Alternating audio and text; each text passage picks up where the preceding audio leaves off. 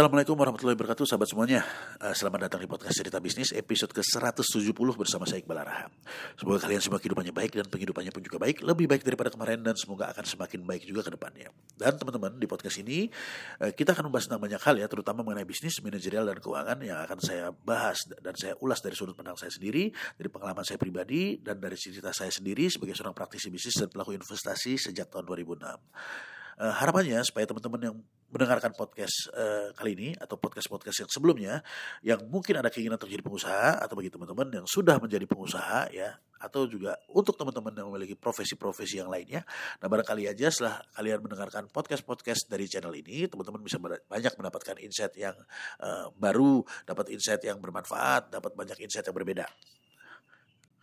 Jadi kalau misalnya teman-teman merasa ada sesuatu hal yang kurang jelas dan ingin ditanyakan, tanyakan aja, kontak aja ke nomor WhatsApp yang saya cantumkan di deskripsi di podcast ini supaya kita bisa diskusi lebih lanjut ke depannya. Gitu ya teman-teman ya.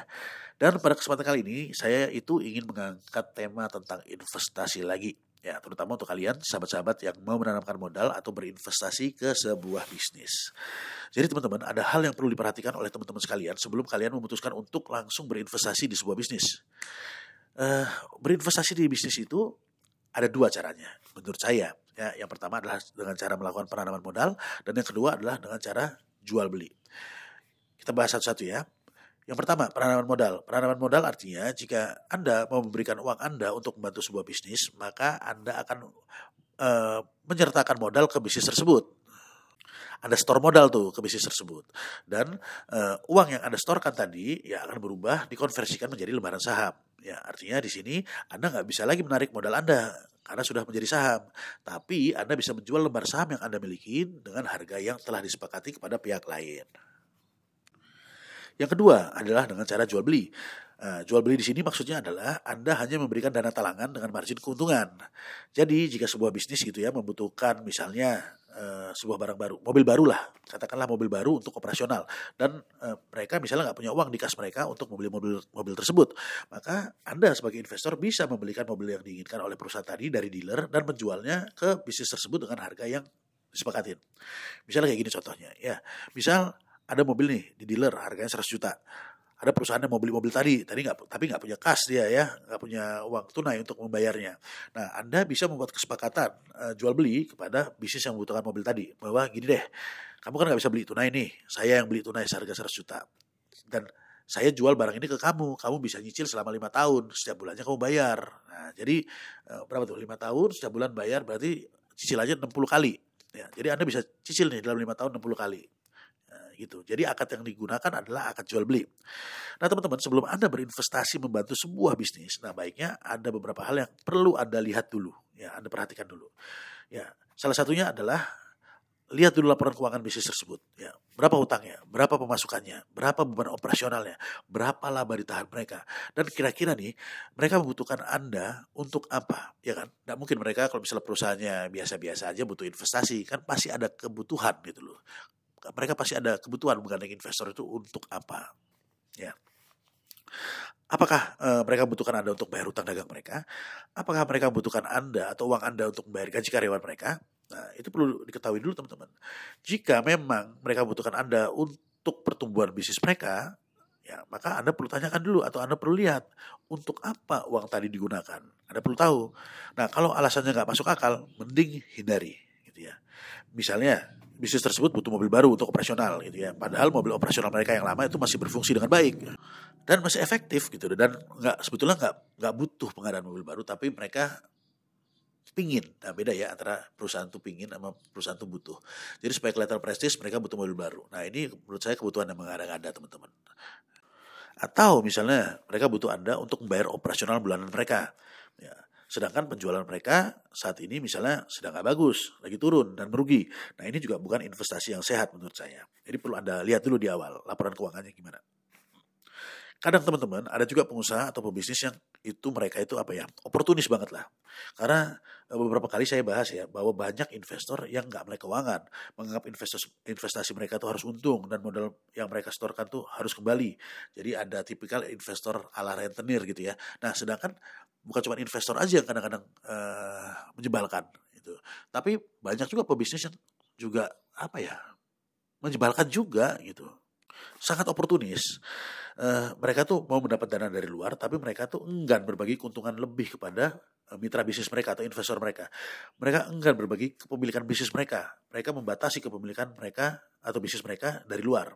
Contohnya kayak gini teman-teman. Ini cerita terjadi pada saya sendiri ya. Jadi saya pernah ditawari kerjasama oleh seorang kawan. Jadi kawan ini mau mengembangkan bisnisnya. Jadi ini pengembangan bisnis, bukan bisnis baru buka ya. Jadi bisnis ini sudah berjalan 10 tahun. Nah di situ saya ditawari untuk invest di bisnisnya dia.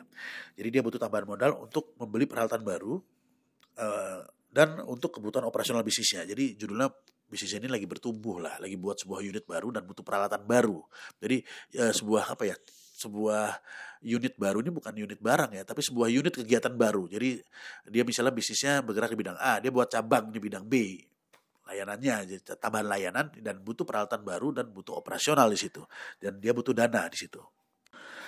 Dan menurut analisa yang dia sampaikan kepada saya, modal saya itu bisa balik di tahun kedua dan di tahun ketiga sampai tahun kelima itu saya bisa mendapatkan bagi hasilnya. Jadi kerjasama yang ditawarkan itu lima tahun ya kepada saya. Jadi eh, tahun kedua BP, tahun ketiga, empat, lima itu ada keuntungan yang bisa saya dapatkan. Terus saya tanya kayak gini, nah kalau dalam perjalanan lima tahun ini perusahaannya rugi gimana? Terus dia jawab, ya kalau rugi nanti peralatan yang dibeli dari uang saya tadi ya akan dijual kembali dan hasil penjualannya akan dikembalikan kepada saya. Jadi yang akan dikembalikan aja itu adalah hasil dari penjualan peralatan. Sedangkan uang yang terpakai untuk operasional ya udah nguap, nggak bisa kembali gitu loh. Dan alasannya dia ya namanya bisnis wajar, ada untung, kadang rugi gitu ya. Jadi kalau misalnya uh, terjadi kerugian atau uh, ketidak sesuai dengan harapan, ya barang yang ada itu dijual. Tapi masalahnya barang yang ada yang dijual itu adalah barang yang saya beli, bukan barang-barang yang dia beli yang dulu gitu loh. Nah ini jelas penawaran yang nggak menarik buat saya. Ya daripada kayak gitu, lebih baik saya melakukan penawaran modal aja di bisnisnya dia dan saya mendapatkan saham yang wajar gitu ya. Jadi kalau misalnya bisnis, misal bisnis ini rugi ya kita rugi bareng.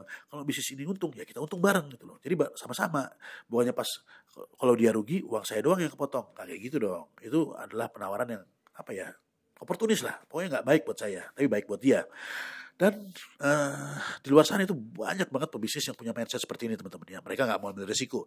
Jadi semua resiko yang ada di depan mereka itu mereka lempar, mereka apa ya alihkan kepada investor. Jadi semua resiko yang mereka hadapi itu ditanggung sama investor jadinya. Dan gilanya banyak banget itu orang yang mau berinvestasi dengan penawaran seperti ini. Saya juga nggak habis pikir gitu ya.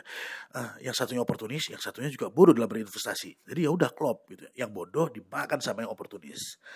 Jadi uh, ingat ya teman-teman ya, kalau misalnya kalian mau jadi investor, maka jadilah investor yang cerdas. Jangan mau jadi investor yang bodoh. Dan sebagai tambahan, sebagai penutup teman-teman, uh, kalau misalnya Anda mau berinvestasi di sebuah perusahaan, juga Anda perlu lihat ya pembayaran mereka kepada supplier. Ya, pada supplier mereka. Pembayaran mereka ke supplier itu tepat waktu nggak? Diolor-olor nggak? Ya terus diolor-olornya wajar apa enggak? Nah, semisal pembayaran mereka ke supplier banyak molornya, mending menurut saya hindari aja investasi di perusahaan tersebut. Kenapa? Karena besar kemungkinan pembayaran ke Anda juga diperlama dan diperolor dan dipersulit oleh mereka. Nah, gitu teman-teman. Jadi ya mungkin itu ya. Uh, cerita bisnis uh, episode hari ini.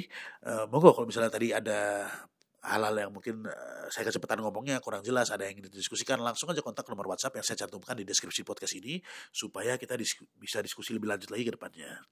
Dan semoga bermanfaat buat kalian semua teman-teman yang mendengarkan channel ini. Semua dan uh, apa ya saya pamit mundur dulu. Sampai jumpa di episode bisnis berikutnya. Assalamualaikum warahmatullahi wabarakatuh.